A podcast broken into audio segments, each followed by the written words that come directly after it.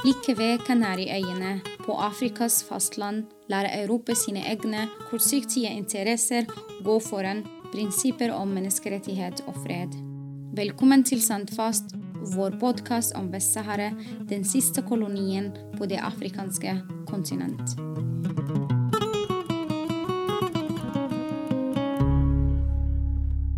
Få internasjonale observatører har noensinne fått sett hvordan det er på innsiden av fengslene i Marokko og Vest-Sahara.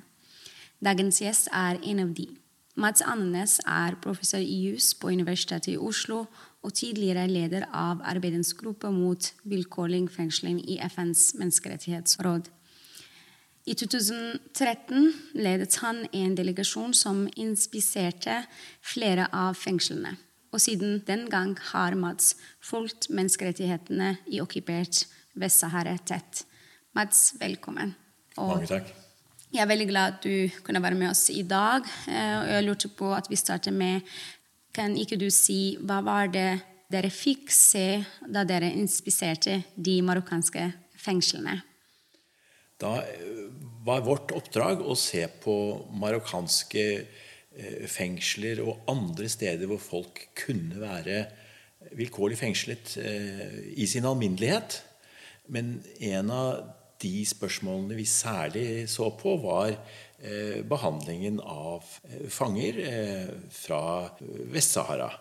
Det var da slik at det hadde vært en rekke saker i arbeidsgruppen tidligere. For denne FN-arbeidsgruppen sitter som en, eh, en, domstol og behandler enkeltklager fra hele verden. Og, og, vi hadde hatt en rekke saker både som gjaldt saharawi-personer som var fengslet for eh, å ha utøvet ytringsfriheten sin om eh, den politiske stillingen i Vest-Sahara. Vi var oppmerksom på at det var et særlig problem, og vi hadde på vår liste over folk vi ville se hvordan hadde det i fengsel. Folk som eh, satt i varetekt, eller som sonet fengselsstraffer.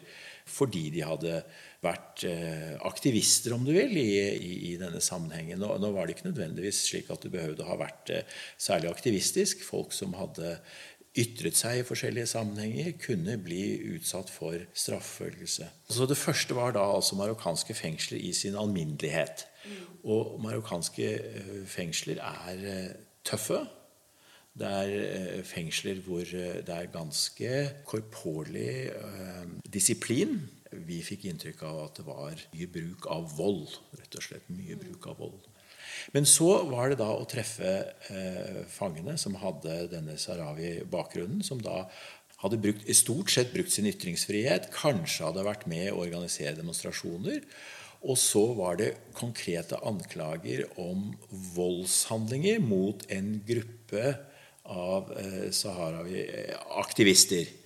Og der eh, hadde vi tidligere sett på spørsmålet om skyld. Da. Var de skyldige i de handlingene myndighetene anklaget dem for? Og da hadde arbeidsgruppen kommet til at det var det ikke. Det var ikke grunnlag. Slik at eh, det som sto igjen, var at eh, det var unge mennesker, studenter, andre unge mennesker, som hadde da arbeidet politisk og som da ble utsatt for rettsforfølgelse, og, og, da med anklager om å ha bidratt til forskjellige fysiske handlinger som myndighetene da betraktet som terrorisme. Eh, som én ikke hadde begått, og to eh, ikke kunne betegnes eh, med noen mening som terrorisme. Da var disse bestemmelsene blitt for brede til at de lot seg forsvare som straffebestemmelser. Og sånn som jeg sa på introduksjonen, det er faktisk veldig få. Nesten ingen som klarte å komme inn i fengselet i Marokko eller i Vest-Sahara. Hvordan fikk du det til det oppdraget? Og kan du bare snakke litt hvordan utførte dere intervjuet med de fangene? Ja, så, så Da var jeg altså leder for denne FN-arbeidsgruppen eh, mot vilkårlig fengsling. Og eh, da er det slik at land vil av og til slippe til disse internasjonale organene fordi eh, det er f.eks. anklager om grove brudd, og så finner de ut at eh, de nå skal vise at de etterlever internasjonale standarder. Og det er, mener jeg må ha vært tilfellet med Marokko. Og, de hadde jo da positive reformer på mange områder, som de da var veldig opptatt av å vise frem. Men på disse områdene hvor vi da tilfeldigvis satt med ganske god kunnskap, fordi denne arbeidsgruppen hadde arbeidet med disse sakene i mange år, så eh, var forholdene meget alvorlige. Og eh, altså, bruddene på alminnelige menneskerettsstandarder var meget alvorlige. Men i tillegg så var det en uh, situasjon hvor det var ikke bare behandlingen av Eh, folk fra Vest-Sahara. Eh, men systemet i det hele tatt eh, hadde alvorlige problemer. F.eks. så var det slik at FNs torturkomité, som er et annet FN-organ, hvor da alle landene som er undertegnet FNs torturkonvensjon, fant da at det var vanlig i Marokko at særlig folk som var utsatt for terroranklager, men også andre, ble slått og torturert inntil de undertegnet en tilståelse, og at domstolene da ikke tok hensyn til at de trakk tilståelsen når de fikk snakke med en advokat, og heller ikke eh, tok hensyn til at det var f.eks. synlige merker, eh, legeerklæringer, eh, forsvarererklæringer om fysiske spor av uh, mer enn spor. altså Folk var jo i stykker slått. ikke sant? Det så domstolene bort fra.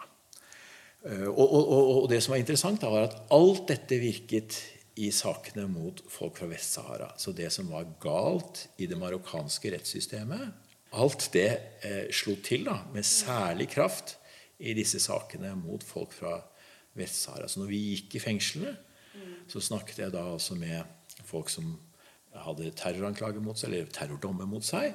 Eh, men også helt alminnelige forbrytere eh, som kunne ha begått voldsforbrytelser eller vinningsforbrytelser. Og, og, og, prøvde å få et inntrykk av dette. Og som sagt så var det mange problemer i det marokkanske rettssystemet. Det kan hende at det hadde vært en positiv utvikling når det gjaldt noen av disse rettssikkerhetsgarantiene, men at det fortsatt sto mye igjen. Og de aller verste utslagene fant vi i sakene som gjaldt folk fra Vest-Sahara. Og da må det nevnes at for mange i det marokkanske statssystemet så er Vest-Sahara en vital statsinteresse. Det er liksom litt sånn som med Norge og Svalbard. Da er det jo slik at eh, norske jurister og, og folk i systemet de finner på mye rart for å forsvare norske interesser der. Men det er bare at på Svalbard var det ingen befolkning? Eller er det ingen befolkning? Det, det er ikke sånn at uh, myndighetene begår overgrep mot folk fra, fra Svalbard som, som, hevder sin selvstendighet. Uh, men, men, men, akkurat dette her, at det er sånn en vital statsinteresse, gjør nok at mange i det marokkanske systemet de ser en annen vei. Så det er politikk over jus? ja, ja, og da er det en del jurister Og da er det slik, dessverre uh, vi ser det jo selv i mindre skala i vårt eget land her i Norge. Eh, ikke sant? At Når det er en vital statsinteresse, så skal det mye til. Jurister sier eh, De er veldig nasjonalistiske. ikke sant? Jurister lever opp mot staten, stort sett. Eh, og hvis det er en vital statsinteresse, så er det ingen grense for hva, hva de kan finne på. Men altså i, i Marokko da, så er det da snakk om en stor befolkning i, i Vest-Sahara, som da blir politisk undertrykket, og som vil ha sin uavhengighet. Og da, da, er det altså virkelig spørsmål om å undertrykke en folkebevegelse og et folk, og, og, og da bruke virkelig repressive midler, inkludert ikke bare fengsling, men også da tortur, som vi fant helt klart bevist i en rekke tilfeller. Og du, altså, du sa at du har snakket med både eh, fangene som er saharawis, og vanlige eh, fra, fra Marokko. Men de verste handlingene var mot særlig den gruppa som er saharawis. Den reise, eller besøk til marokkansk fengsel resulterte i en rapport som dere skrev. Hvordan ble rapporten deres mottatt? Så vi var på dette besøket i 2013, og rapporten kom da altså Vi sendte av gårde en midlertidig rapport med en gang, men den, den rapporten som gikk til Menneskerettsrådet, kom året etter, da, i 2014. Og Det var en interessant mottakelse, fordi når vi kritiserer et land så sterkt som vi kritiserte Marokko, så er det ikke helt klart hva svaret vil være. Eller det, det land umiddelbart vil gjøre, er å si nei, vi er uskyldige. Dere har tatt feil. Og, og, kanskje legge på noen personlige angrep. Det har skjedd noen ganger. Men det gjorde ikke Marokko. Marokko eh, sa vi er jo i en reformprosess. Og selv om vi ikke godtar at det dere sier, har, har skjedd, eh, så vet vi at vi er i en reformprosess. Så, så, så, de tok jo da en veldig konstruktiv linje. De sendte hele, alle medlemmene av deres eh, nasjonale menneskerettsinstitusjon fra Marokko til å komme til Genéve når vi presenterte rapporten, og skulle da ha en dialog. Og det er jo veldig positivt. Det eneste problemet vi har, er at disse sakene har fortsatt. Så til tross for den konstruktive og, og, etter mitt skjønn helt korrekte måten å besvare dette på, da, selv om de naturligvis burde ha godtatt noen av disse konklusjonene vi hadde, som de da ikke gjorde. De sa bare at vi er i en prosess hvor vi forbedrer oss. Så, så er jo problemet at det har bare fortsatt. Og det gjør da at eh, internasjonale organer ikke må slippe opp. Og det er viktig for Norge at vi ikke gjør noe, Norge ikke gjør noe som legitimerer de marokkanske overgrepene. Altså Den marokkanske staten er representert av veldig gode diplomater. Ja. Så, så for eksempel, Det var endeløse diskusjoner om hvordan eh, Vest-Sahara skulle refereres til. Skulle det refereres til som en region i Marokko? Eller skulle det refereres til på den måten som FNs sikkerhetsråd har gjort? Og da var de så dyktige diplomater at de hadde mye innflytelse på noen av kollegene som da satt i Menneskerettighetsrådet, da, som, som, presset veldig på den marokkanske posisjonen og ville gjerne støtte den, fordi de så på Marokko har jo vært nær USA og, og Vest-Europa og, og, i og for seg andre muslimske land i, i, i, den såkalte kampen mot terror, som jo da fortsatt pågikk. Forskjellige former for tiltak i alle disse landene. og Man samarbeidet om å utveksle fanger. og eh, Som vi jo vet, dessverre, så var det jo mange land som var med på å samarbeide om tortur og tortur, forhør under tortur osv. Marokko fikk jo en plass i det. og Eh, mange på den marokkanske siden ville jo ha følt at her deltar jo vi, her har jo vi bistått USA, Vest-Europa. Så nå har vi rett til å få noe hjelp. Og det er det folk, eh, Jeg er helt sikker på at det er folk på myndighetssiden i Norge som, som vil føle det.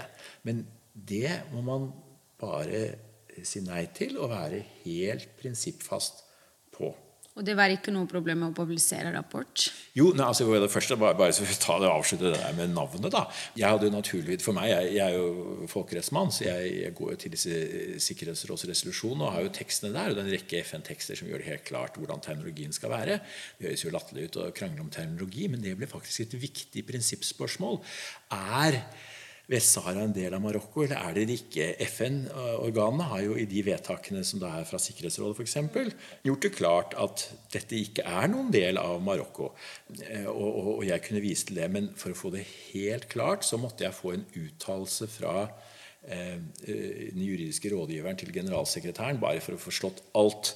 Men Marokko presset veldig hardt på. Så det var det ene, at liksom vår rapport var en arena for å diskutere eller kjempe da for inklusjon av Vest-Sahara i Marokko. Og, og, og, og, hadde ikke noen av oss, jeg og noen av oss, stått veldig klart på standpunktene og det som var korrekt der, da, så, så ville vi ha fått en rapport som hadde omtalt kunne lett fått en rapport som hadde omtalt denne regionen i eh, Sør-Marokko.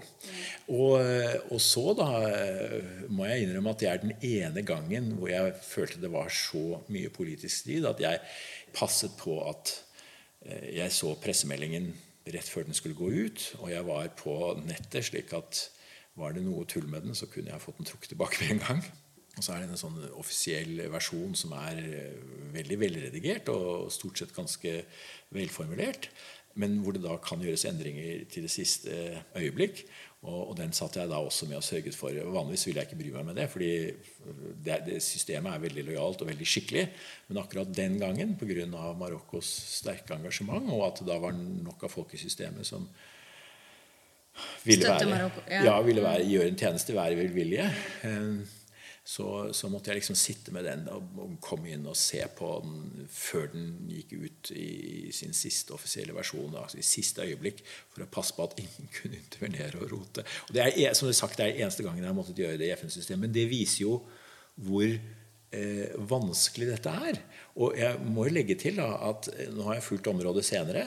Så er det jo ikke bare torturkomiteen og FNs arbeidsgruppe mot vilkårlig fengsling, men det er da eh, FNs spesialrapportør mot tortur. Og, og nå, da, eh, i, eh, i, sommer, så har vi fått en uttalelse fra FNs spesialrapportør, som arbeider med de som forsvarer menneskerettene, menneskerettsforsvarere, Human Rights Defenders. Mm. Og, og, og, hun har da tatt opp veldig konkret eh, disse, disse, sakene eh, som vi har hatt, i, eller jeg har vært med på, og som mine etterfølgere i denne arbeidsgruppen mot vilkårlig fengsling har hatt. Og eh, har da eh, f.eks vist til helt konkret eh, navnet på flere av dem som har vært oppe i våre saker. og Du skal komme tilbake til en av dem antar jeg, litt senere. Men det hun da sier, hun som da altså er FNs spesialrapportør ja, Sultana, da, så da sier hun spesialrapportøren her at hun har vært utsatt for 'repeatedly harassed by Moroccan authorities', og så utsatt for mishandling og isolasjon, altså som da blir en vilkårlig fengsling men også da utsatt ikke bare for mishandling, men for direkte tortur. Og Det er jo tøft. Det er jo veldig tøff uttalelse fra en FN-spesialrapportør. I 2017 så var du uh, også til stede som observatør under en rettssak der uh, ledende saharawiske aktivister ble dømt til flere tiår uh, og livstid i fengsel. Eh, blant de er folk som kjempet ikke bare for menneskerettighet eller rett til selvbestemmelse, men det er bare folk som også kjempet mot de selskapene for eksempel, som eh, driver næringsliv i, i Vest-Sahara. Hvordan behandler saharawiene forkjempere for selvbestemmelsesretten? Da kom jeg som en sånn domstolsobservatør som skulle sitte og høre på. Eh, det var en selsom opplevelse. For det første hadde de vært mishandlet, og deres forsvarsadvokater brakte opp at de hadde vært mishandlet. Mm. Eh, dom, dommerne ville ikke høre på det. Og dette er jo en straffesak hvor dette kommer opp, hvor de da skal prøve skyldspørsmålet. Det er klart at slike spørsmål er noe domstolen har en plikt til å ta stilling til etter marokkansk rett og etter folkeretten. Så var det også da slik at eh, statens eh, advokater, påtalemyndigheten er da aktor, aktorene og, og, og, dommerne ville heller ikke eh, gi forsvarende anledning til å argumentere på viktige spørsmål som var avgjørende for saken. Det var rett og slett altså for mye av en eh, politisk prosess hvor de da satte alminnelige rettssikkerhetsgarantier eh, til side. Eh, når eh, de eh, tiltalte, altså saharawiene, altså de ungdommene som var, var ikke, De var ikke veldig unge alle sammen heller. Men altså de, de, stort sett er det unge menn ikke sant, disse sakene. Så, så, var det slik at de ble behandlet veldig litt respektfullt og avbrutt. Og, og, og fikk rett og slett ikke forklare seg. Og, men det andre som da ikke gjorde noe bedre, var at det fikk heller ikke forsvarerne deres. De fikk ikke anledning til å argumentere juridisk. Og jeg var med å lage en rapport sammen med Tone Søfon Moe, som eh, da går igjennom det som var av brudd på eh, alminnelige rettssikkerhetskarakterer. Hun er jo en flink eh, jurist. ikke sant, som da, Vi var jo begge veldig overrasket når vi så hvor, hvor langt det gikk. Og særlig når det satt internasjonale observatører. altså Én ting er at du tenker at uh, i et lukket rom hvor det ikke er noen som hører på, så kan myndigheter i mange land, og dessverre domstoler i mange land, gjøre mye rart. Men så var det jo interessant etterpå, da. For Tone og jeg vi gikk da, vi hadde f.eks. samtale med noen av de lokale diplomatene. Og da fant vi at diplomater fra land som er nære, veldig nære oss, tok myndighetenes side. Og mente at det var helt greit. Nå måtte de bare få lov til å håndtere disse tingene. De var en alliert på så mange måter. Og dette med Vest-Sahara det hadde jo vært et spørsmål nå da i altså Det er fra, fra 70-årene, ikke sant? Så da blir det det er jo lenge. Mm. og da Nå må det finne sin løsning. og det virket som om de da mente at det måtte være at Marokko fikk overta suverenitet. Så poenget er at alle er utsatt for sterk lobbyvirksomhet. Marokko betrakter dette som en helt vital statsinteresse. Det er en uvesentlig utvidelse av territoriet, av landterritoriet. Og, og, og, en så vital statsinteresse at eh, flinke eh, politikere og, og, jurister da, velger å se bort fra, lukke øynene til, eh, for eh, noe som er tortur, mishandling, vilkårlig fengsling og brudd på de mest elementære rettssikkerhetsgarantiene i straffesakene. Mats, du nevnte Tone. og I dag sitter du i en advokatteam til en saharawisk aktivist, Sultana Khaye, som er utsatt gang etter gang for overgrep. Bare i korte trekk, hva består den saken av? Ja, altså, Sultana har jo da vært utsatt for en eh, forferdelig mishandling fra myndighetenes side. Hun er isolert i huset sitt, kan ikke gå ut. Eh, hun har familiemedlemmer som bor sammen med henne. De eh, kan bli stoppet eller mishandlet. Eh, og de har altså reidet huset hennes ved flere anledninger. Og dette er da en sånn form for husarrest som etter denne FN-arbeidsgruppen som arbeider mot uh, vilkårlig fengsling, de betrakter det som, som vilkårlig fengsling. Behandlingen av henne er uh, meget grov. Uh, vold, seksuell trakassering, lyd Alle disse tingene som gjør at du utenfor da, et hus kan gjøre det ulevelig der. Men også da disse, når de har grepet inn og familiemedlemmer som har beveget seg utenfor. Og, når de da reidet hennes hus, Eh, hvor hun da altså ble utsatt for, eh, for fysisk trakassering, vold, og, og direkte vold. Og um, her er det da slik at vi har denne siste autoritative rapporten fra FNs spesialrapportør for um, menneskerettsforsvarere. Hun betrakter da Sultana som en menneskerettsforsvarer, som hun da er. Og, og, sier at hun har blitt utsatt ikke bare for mis mishandling, men for, for tortur. Tusen takk, Mats, at du var med, og for veldig lærerik episode. Mm -hmm. Mange takk. Hvis du vil lære mer om konflikten, gå til vest-sahare.no.